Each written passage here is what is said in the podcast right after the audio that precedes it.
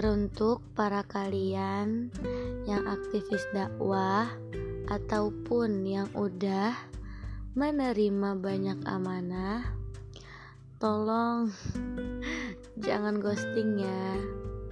Karena kesian teman-teman yang lain yang harusnya menjadi tanggung jawabnya dia tapi malah yang kena teman-teman yang lain Kemudian ketika kita sudah mengiyakan suatu amanah, artinya kita harus siap dengan segala apa yang ada di dalam amanah itu.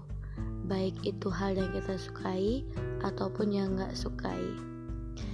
Emang kita pengen banget istirahat ataupun uh, berhenti sejenak itu gak apa-apa tapi tolong dikabari karena kalau misalkan ghosting apalagi sekarang kita zamannya online.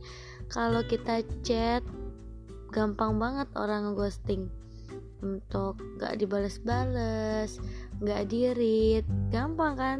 Beda kalau halnya kita ketemu.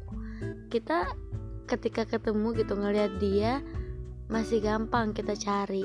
Tapi kalau misalkan online kayak gini udah bener-bener menghilang gitu. Jadi tolong buat teman-teman dan juga aku ini juga reminder buat aku kalau kita sudah mengiyakan suatu amanah usahakan kita selalu membantu amanah itu.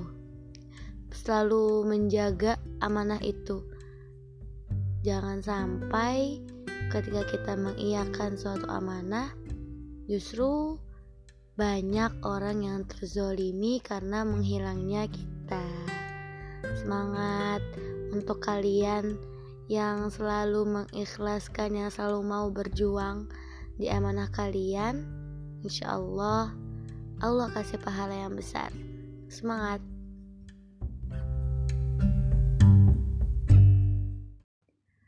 Ada yang mengira kalau dunia ini surga, bisa melakukan berbagai cara, lalu mendapatkan hasil yang sempurna. Nyatanya tidak. Lagi-lagi karena kita terlalu fokus pada pujian manusia. Kita lupa kalau ada yang maha kuasa. Ingat, kita tak pernah dituntut untuk mengatur hasil.